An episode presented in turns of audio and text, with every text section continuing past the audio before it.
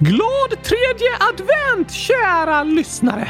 Det önskar vi er alla. Alltså, hur kan det vara tredje advent redan? Det är bara 11 december. Ja, det är en bra fråga, Oskar. I år är faktiskt tredje advent rekordtidigt. Va?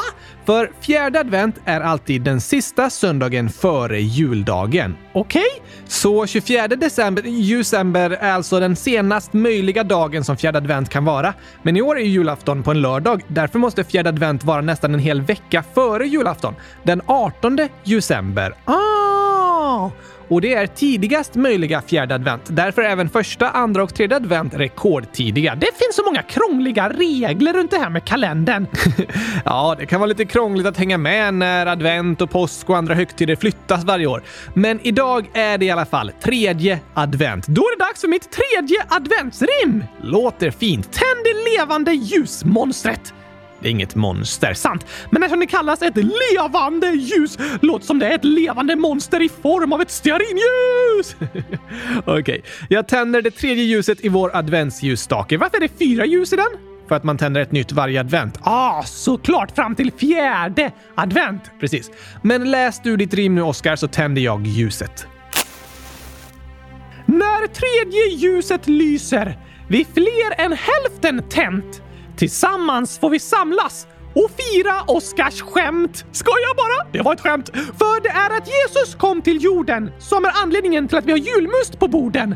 Och snart får vi detta fira när bilen börjar slira. Vackert. Förhoppningsvis börjar bilen slira när det är dags att fira jul. För det betyder att det är snö. Just det. Förhoppningsvis slirar inte bilen så mycket ändå, för det kan bli farligt. Men jag förstår vad du menar. Ja, tack! En vit jul är min favoritjul. Jag håller med. Tack för rimmet. Nu drar vi igång dagens avsnitt i spelkalendern. Glad tredje advent!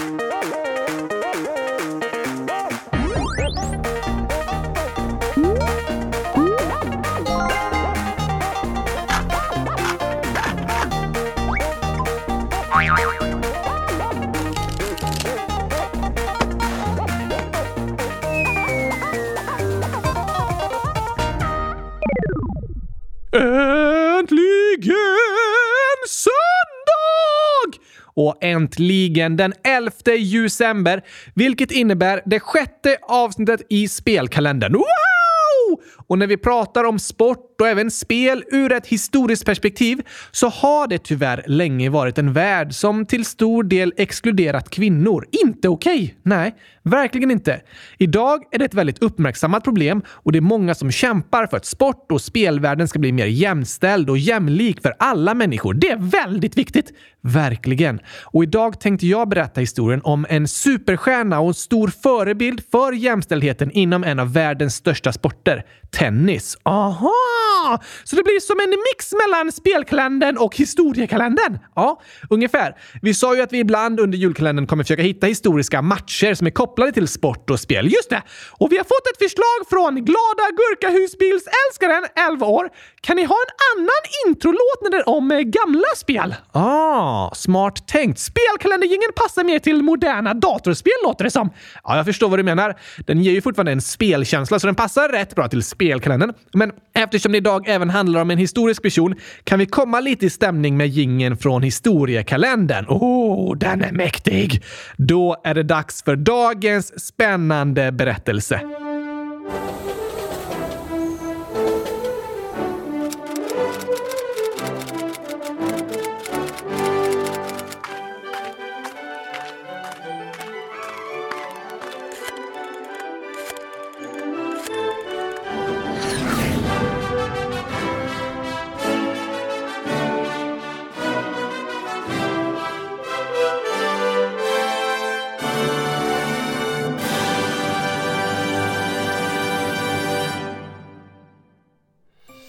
Den 22 november år 1943 föddes en flicka som fick namnet Billie Jean Moffitt. Var? I Long Beach i Kalifornien. Långstrand? Ja, alltså det är en hamnstad där på amerikanska västkusten som heter Long Beach. Har den staden en lång strand? Ja, ja, den ligger ju ut med havet. Vore tokigt om den hette Long Beach utan att ha en lång strand. Det vore lite tokigt, ja. Och Billie Jean föddes in i en idrottsfamilj. Hennes mamma var en duktig simmare och hennes pappa både duktig på basket och baseball. Hennes brorsa blev också professionell baseballspelare och även Billie Jean var duktig på både baseball och softball och vann bland annat ett distriktsmästerskap när hon var tio år. Wow! Men hennes föräldrar tyckte att hon skulle börja med någon lite mer kvinnlig sport. Vad betyder det? Jag vet inte faktiskt. Det finns ju inte vissa sporter som är kvinnliga och andra som är manliga. Nej tack! Men genom historien finns det många människor som har tänkt så. Jag är dock glad för att fler och fler sporter idag öppnas upp för alla människor. Men det behövs ett aktivt inkluderingsarbete för att det ska hända. Just det! Men i alla fall så bytte Billie Jean från softball till tennis. Hon sparade ihop pengar för att kunna köpa sitt första tennisrack för 8 dollar. Det var ganska billigt! Ja, idag låter det ganska billigt för ett rack, men på 50-talet var det ganska mycket pengar. Ja, ah, för att pengars värde ändras. Precis. Och med sitt nya rack började Billie Jean ta sina första tennislektioner och de upptäckte snabbt att hon var väldigt duktig på det. Till en början tyckte hon mest om att stå framme vid nätet och slå volleyslag, men övertalades att även lära sig grundslagen ordentligt. Och hon tränade med stor iver för att bli så duktig som möjligt. Träning ger färdighet! Verkligen. För att bli riktigt bra på något behöver vi alla träna mycket. Och Billie Jean gjorde så snabba framsteg att hon redan som 15-åring gjorde debut i den stora internationella tävlingen US Open. Va? Tennis är en av världens allra största sporter med ungefär en miljard följare världen över. Oj då! Och inom tennis finns fyra stora turneringar som kallas Grand Slams som spelas varje år. Det är Australian Open i Australien, precis i staden Melbourne. Sen spelas Franska öppna i Paris, Wimbledon i London och US Open i New York. Okej! Okay. Och redan som 15-åring klev Billie Jean in på den internationella scenen under US Open i New York. Hur gick det? Hon förlorade i första rundan och åkte tyvärr ut direkt. Men imponerande att kvala in till turneringen. Verkligen. Och nästa år gjorde hon ett nytt försök och tog sig till tredje rundan som 16-åring. Wow! Och året efter det så samlade tennisklubben i hennes hemstad ihop pengar för att Billie Jean och en annan spelare som hette Karen Hansey skulle kunna resa till Wimbledon och spela turneringen i dubbel. Är det två spelare på samma sida då? Ja, som spelar tillsammans. Och de gjorde succé direkt och blev de yngsta vinnarna någonsin att vinna Wimbledon-titeln i dubbel. De var 17 och 18 år. Och det var starten på en av tidernas allra främsta tenniskarriärer. Vann Billie Jean många tävlingar? Otroligt många. Hon har rekord i Wimbledon-titlar med sex titlar i singel, tio i dubbel och fyra i mixed dubbel. Wow! Totalt vann hon 129 tennisturneringar i singel, totalt 12 Grand Slams. Hon är en av få som har vunnit alla de fyra stora Grand Slam-turneringarna. Aha! Och något som verkligen utmärkte hennes spel var hennes mentala styrka. 13 gånger i Grand Slam-sammanhang var hon i en situation där det stod 5-5 i sista avgörande set. Helt lika! Ja, men av de 13 gångerna vann hon 11 gånger. Så hon var känd för att vara bäst när det gällde. Det är en stor styrka inom idrott. Verkligen. Omedelbart efter en stor motgång i matcherna kunde hon resa sig och spela ännu mer fokuserat. För tennis är en väldigt mentalt ansträngande sport och om du går runt och grämer dig mycket över missade bollar så blir det svårt att vinna. Det är viktigt att kunna hålla fokus och kunna ta sig tillbaka från tuffa perioder under matchen. Och där var Billie Jean väldigt duktig. Ah! Hon är känd som en utomordentligt skicklig tennisspelare, en av de allra bästa inom tiderna. Men hon utmärkte sig även som en outtröttlig kämpe för kvinnors rättigheter och förändrade för alltid tennisen. Hur då? Till exempel tyckte hon att även kvinnor borde ha en proffstour i tennis. Så att de skulle få betalt för att spela? Ja, precis. Det fanns en proffstour för herrar, men inte för damer. Men Billie Jean King, som hon hette efter att hon gift sig, var med och startade proffstouren för damer, som nu heter WTA-touren. Vad bra! Verkligen. Det gav mycket uppmärksamhet och även resurser till fler kvinnliga proffs inom tennisen och visade att tennis är för alla. Själv blev Billie Jean King proffs när hon var 25 år, år 1968. Hon rankades sedan som världsetta i fem år och fortsatte att spela under lång tid. Så sent som när hon var 40 år gammal var hon fortfarande rankad som 13 bästa spelaren i världen. Oj då! Och i kampen för jämställdhet blev Billie Jean King väldigt uppmärksammad. Men även kritiserad. Va? Varför det? Av de som inte tyckte att tennisen borde förändras så att det inte var en sport för kvinnor. Vilken fruktansvärt dålig åsikt! Det tycker faktiskt jag också, Oscar. Jag håller inte med de som sa så, eller de som fortfarande säger så. Men en stor kritiker var en man som hette Bobby Riggs. Vem vem var det? Han hade varit en toppspelare på 30 och 40-talet och världsetta i tennis i tre år. Och i början av 70-talet påstod han att damtennisen var så mycket sämre än herrtennisen att även han som nu var 55 år lätt skulle kunna vinna över de bästa kvinnliga spelarna. Hyfsat taskig kommentar! Ja, det tycker jag också. Och han utmanade en av de bästa kvinnliga spelarna, Margaret Court, och vann. Men han ville även spela mot Billie Jean King. Ville hon det? Nej, helst inte. Hon tyckte såklart inte om Bobby Riggs uttalanden och kritik och ville nog inte ge honom någon mer uppmärksamhet. Samtidigt ville hon ju bevisa att han hade fel. Ja, just det. Så när hon till slut fick ett erbjudande om en match mot Bobby Riggs så tackade Billie Jean King ja. Oj då! Vinnaren av matchen skulle få 100 000 dollar och det blev ett väldigt uppmärksammat event. På Houston Astrodome i Texas samlades 30 492 åskådare den 20 september 1973 och över hela världen tittade fler än 90 miljoner människor på tennismatchen. 90 miljoner! Det är jättemånga och det gjorde matchen till den mest sedda tennismatchen någonsin och ett av världens största idrottsevent på den tiden. Den fick namnet The Battle of the Sexes som betyder kampen mellan könen. Aha! Det finns även en stor film med det namnet om ni kanske vill kolla in den. Och det blev ett väldigt viktigt event för att uppmärksamma och bygga respekt för damtennisen. Billie Jean King sa jag tänkte att om jag förlorar matchen så kommer utvecklingen gå bakåt 50 år i tiden igen. Jag kommer förstöra hela den nya damproffstouren och sänka alla kvinnors självkänsla. Ganska stor press på den matchen då. Ja, den spelades under en tid när kvinnors rättigheter uppmärksammades mer och mer och många framsteg gjordes i samhället och matchen blev en viktig kulturell symbol för jämställdhet och lika villkor för både kvinnor och män. Samma år hade Billie Jean King fått mycket uppmärksamhet för att hon hotade med att bojkotta US Open om inte män och kvinnor skulle få lika mycket i prispengar. Det tyckte jag var ett bra ultimatum. Jag också. Så det var en match som skapade mycket åsikter och spelades under en period av stora kulturella förändringar. Hur gick det då? Jo, Billie Jean King utklassade Bobby Riggs och vann i tre raka set. 6-4, 6-3, 6-3. Woho! Efter matchen så erkände Riggs att han hade underskattat King och hennes position som superstjärna inom tennisen och stor förebild för många unga tjejer etablerades ännu mer. Hennes seger anses ha haft stor betydelse för ökad uppmärksamhet av idrott som utövas av kvinnor och efter att Billie Jean King avslutade sin tenniskarriär 1984 fortsatte hon agera som en aktivist för jämställdhet och för kvinnors rättigheter. Wow! Och hon har uppmärksammats på många sätt för sina prestationer, både på och utanför planen. Hon valdes in i tennisens Hall of Fame år 1987 och på 70-talet blev hon utsedd både till Årets idrottare och var med på The Times Person of the Year-lista. Hon har fått presidentens frihetsmedalj och år 2006 så byttes namnet på arenan i New York, där både damernas och herrarnas US Open-turnering spelas, till Billie Jean King National Tennis Center. Har hela arenan fått hennes namn? Ja, visst är det coolt. Verkligen! Det är ett tecken på hur stort inflytande hon har haft på hela tennissporten och hur viktig hennes kamp för jämställdhet och lika villkor för både tjejer och killar har varit. Ja, tack! Hon visade världen att sport och spel är för alla. Precis, vilket gör hennes historia väldigt viktig och inspirerande. Jag håller med! Något annat inspirerande är min fantastiska kreativitet när det kommer till julsånger. ja, just det. Och nu när det är julkalender måste vi passa på att spela upp allas vår favorit, kylskåpsslang! Det låter bra. Hej! Kylskåpsslang, kylskåpsslang, kylskåp dingelidong.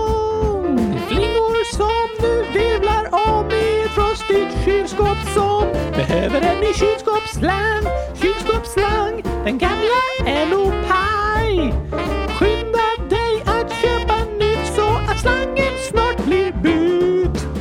Det var eh, fint, Oskar, eller hur? Jag säger ju att det är den riktiga texten. Det är fortfarande inte det, men det är den bästa texten.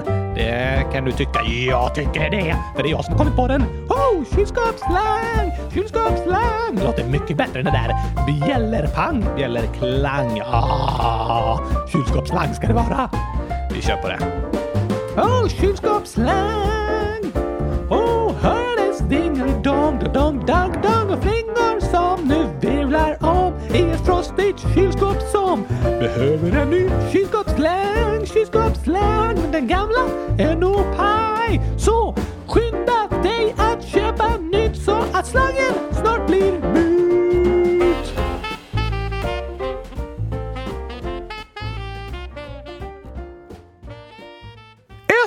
En otroligt spännande och inspirerande berättelse passar det nu bra med lite häftiga världsrekord! Ja!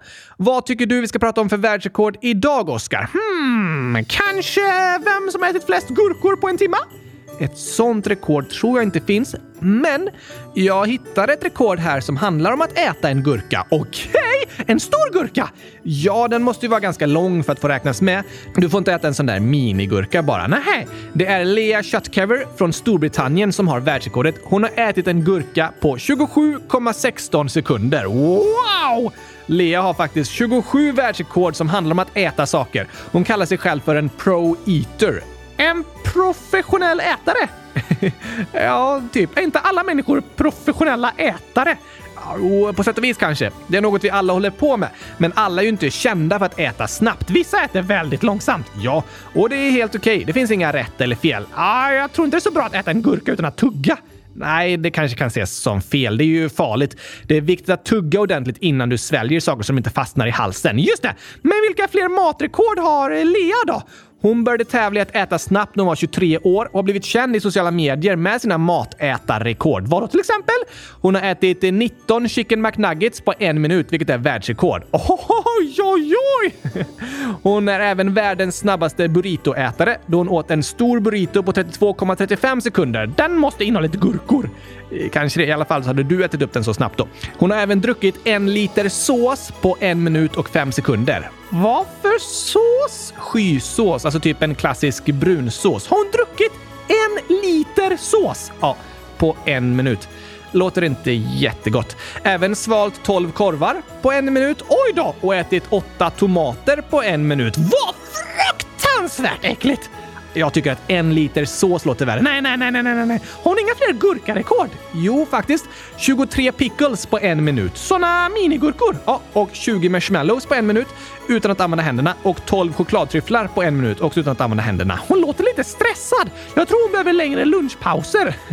hon äter snabbt för att tävla, inte för att hon är stressad. Ja, Ah, okej, okay. då så. Några andra tokiga världsrekord som handlar om att äta mycket snabbt är 793 gram smör på fem minuter. Nej, det låter fruktansvärt äckligt och är slaget av Don Learman och Ken Edwards åt 36 kackerlackor på en minut. Nu känner jag snart för att spy. Joey Chestnut åt 74 korv med bröd på 10 minuter. Du skojar med mig! Och Oleg Chornitsky åt 3,6 kilo majonnäs på 8 minuter. Det här blir bara värre och värre. Ja, det håller jag med om. För Alex Williams åt 1,5 meter brännässlor på en minut. Brännässlor? Och Kelvin Medina åt en pizza på 23,62 sekunder. Hur stor pizza? 30 centimeter i diameter. Okej, Okej, det är en stor pizza. Ganska stor, särskilt om du ska äta upp den på 23,62 sekunder. Vilka fruktansvärda världsrekord, Gabriel! Särskilt det med åtta tomater på en minut! ja, kanske det. Jag tycker nog dock att 3,6 kilo majonnäs på åtta minuter var det äckligaste. Det måste varit så fruktansvärt att äta. Eller 36 kackerlackor. Eller 12 chokladtryfflar! Ja, det var ändå helt okej.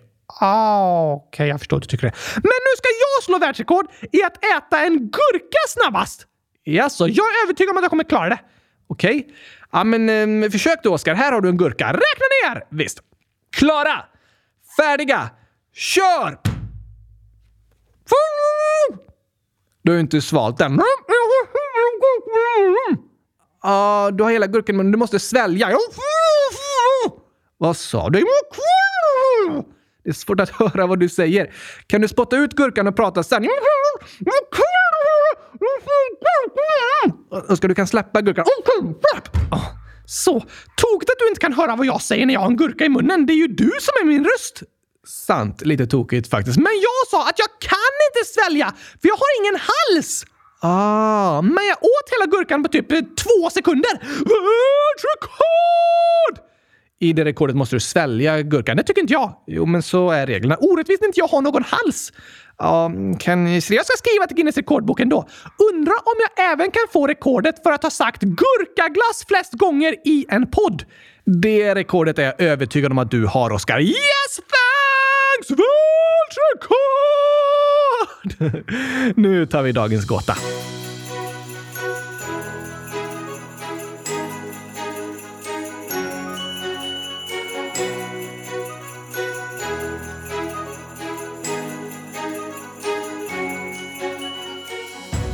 Vilken gåta ställde du i förrgår? Då ställde jag gåtan Vad är tyngst?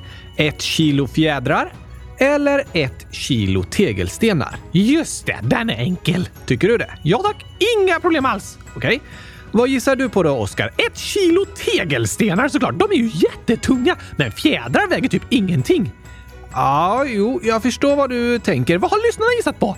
Vissa har röstat på ett kilo tegelstenar. Bra gissat! Och vissa på ett kilo fjädrar. Men flest har sagt att båda väger lika mycket. Va? Ja. Tegelstenar och fjädrar väger ju inte lika mycket. Nej, inte en tegelsten jämfört med en fjäder. Men gåtan var ett kilo tegelstenar jämfört med ett kilo fjädrar. Just det! Och då är det helt rätt svar att båda väger lika mycket, för båda väger ju ett kilo. Aha! Ett kilo fjädrar väger lika mycket som ett kilo tegelstenar. Men det är lätt att bli lurad att tänka att ett kilo tegelstenar är tyngre eftersom tegelstenar är tunga. Fast jag hade rätt! Du gissade på att tegelstenar var tyngst. Ja tack! Det är fel. De väger lika mycket. Nej. Jo, nej. Kolla på gåtan du skrivit på hemsidan. Ja, vad är tyngst? Ett kilo tegelstenar eller ett kilo fjädrar? Just det, det står inte kilogram. Vad menar du? Kilo betyder tusen och ett kilogram betyder tusen gram. Ja, hade det stått ett kilogram fjädrar och ett kilogram tegelstenar, då hade de vägt exakt lika mycket, tusen gram. Precis, men du har skrivit ett kilo tegelstenar.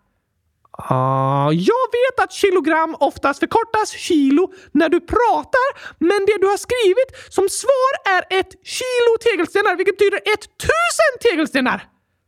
Det har du rätt i. Så alternativen är översatt ett tusen tegelstenar eller ett tusen fjädrar. Och då är jag helt säker på att ett tusen tegelstenar väger tyngst. Ja, Väldigt sant, Oskar. Jag skrev ett kilo, alltså K-I-L-O, inte ett kilogram eller KG som är förkortningen av kilogram. Nej tack, därför har jag rätt. 1000 tegelstenar väger mer än 1000 fjädrar. Hashtag logiskt! Hmm. Ja, jag får nog faktiskt ge dig rätt för den förklaringen, Oskar. Men som du sa förkortar vi oftast kilogram med kilo när vi pratar. Ett kilo tegelstenar. Så jag tycker att, att båda väger lika mycket också är en bra förklaring. Fast min är mer rätt. Kanske det. Nu över till dagens gåta. Vilken är det? Det är en kluring med månaderna. De felaktiga namnen? Ja, med namnen du inte använder längre. Ah! Men så här är gåtan. Du ser mig i juni och november men aldrig i februari. Vem är jag? Hmm, lite klurig. Det känns som någon flyttfågel som är borta över vintern men hemma på sommaren igen. Kanske det, fast november är väl lite sent för flyttfåglarna?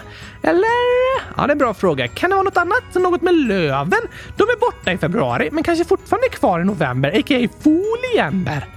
Det är bra funderingar, Oskar. Ni lyssnare får också fundera och skriva era gissningar på vår hemsida www.kylskåpsradion.se. Precis. Där kan ni gissa på gåtan. Den var klurig. Vi berättar svaret på tisdag. Okej! Okay. Men nu går vi över till dagens strategi. Det fanns mycket att lära sig från dagens berättelse. Ja, det tycker jag också. Det var ju en inspirerande historia och en påminnelse om att sport och spel är för alla och ska vara på lika villkor. Ja, tack! Men är det något särskilt du tar med dig? Alltså, om vi snackar om strategi så tänker jag på det där du pratade om Billie Jean Kings mentala styrka. Ja, just det. När en misslyckas så är det väldigt lätt att bli så ledsen och arg på sig själv att det fortsätter gå dåligt. En kanske tappar självförtroendet och så är det svårt att komma tillbaka igen. Det håller jag med om. Så är det ofta för mig faktiskt. Men i en tennismatch spelar en många bollar och ibland gör en misstag och slår ut en boll. Sånt som händer! Och då är det viktigt att inte bli för deppig och tappa självförtroendet på grund av det, utan fortsätta fokusera och tro på sig själv. Det är sant. Ibland misslyckas vi och så blir det fel, men vi behöver inte tappa allt självförtroende på grund av det. Vi kan lägga det bakom oss och blicka framåt. Det går tyvärr inte att ändra på det som har hänt, men vi kan påverka det som ska komma. Just det. I en tennismatch får en lägga sina misstag bakom sig och istället fokusera på nästa boll. Titta framåt, inte bakåt! Bra reflektion. Det är något vi alla kan träna på faktiskt. Vi kan träna på att fokusera på det vi kan påverka och inte gå runt och vara arga och ledsna och frustrerade över det som redan har hänt. Det är viktigt i spel och tävlingar och även inom andra områden i livet. Ja tack! Något mer du lärt dig? Att alla förtjänar samma förutsättningar och möjligheter. Just det, och att sporter och sammanhang kan behöva förändras så att alla blir välkomna att vara med. Och vi var och en kan vara med och genomföra den förändringen. Det var fint sagt, Oskar. Du som lyssnar kan få göra skillnad och bidra till att världen blir en ännu bättre plats för ännu fler människor. Inspirerande ord. Ja, ja, ja, ja, ja, tack! Hoppas ni som lyssnar också tyckte om dagens berättelse. På tisdag pratar vi om ett nytt spel. Ja, då ska vi kolla till vilket som leder omröstningen. Gå gärna in på vår hemsida för att rösta på alternativ som du vill att vi ska prata om. Har vi fler förslag? Det har vi. Louis8 skriver Hej! På skolan spelar vi ett brädspel som heter Korridor. Det är jätteroligt. Kan ni ha med det i julkalendern? Tack för förslaget! Det lägger vi till! Anonym14 Hej! Kan ni prata om Star Stable? Det finns med! Nova8 snart 9 Kan ni prata om Gacha Life? PS fyller den 16 december. Det ska vi komma ihåg! Levi 8. Kan ni prata om Monopol eller Mario Kart? Woho! Astrid i Sandviken, 7 år. Kan ni prata om spel 1 i julkalendern? Det är ett spel vi har i skolan för att öva på läsning bland annat. Vad bra! Och Keso, 10 år. Hej! Kan ni prata om Flappy Bird? Tack för förslagen! Vi lägger till de förslag som ännu inte är med i listan. Men innan vi avslutar för idag ska vi även läsa upp inlägget från Chokladen är god 8 ska fylla år 12 december som skriver “Jag blir mobbad för att min vänstra framtand står ut, men en kompis stöttar och hjälper mig. Åh, det var verkligen tråkigt att höra att du blir retad och mobbad. Chokladen är god. Sa du precis chokladen är god? Men alltså, allas tänder ser olika ut och det är inget att bli retad för. Verkligen inte. Tack för att du hörde av dig och berättade om vad du känner och om det du är med om. Det var fint att höra att din kompis stöttar och hjälper dig. Kompisar är väldigt fina att ha i jobbiga stunder. Kompisar är fantastiska. Och idag vill vi passa på att säga 100 000 grattis till dig. Chokladen är god. Ja, tack! Hoppas du får världens bästa födelsedag och även om du tycker att choklad är gott så hoppas jag att du ska få äta 100 000 liter gurkaglass! Kanske det. Jag hoppas du får äta något som du tycker om och att du får en fantastisk födelsedag imorgon. Ha det bäst i test! Det önskar vi dig och alla andra som lyssnar. Vi hörs igen på... Äh, vad blir det för dag? Tisdag. Tisdag! Det gör vi. Tack och hej! En supersnabbt uppäten gurkapastej. hej då!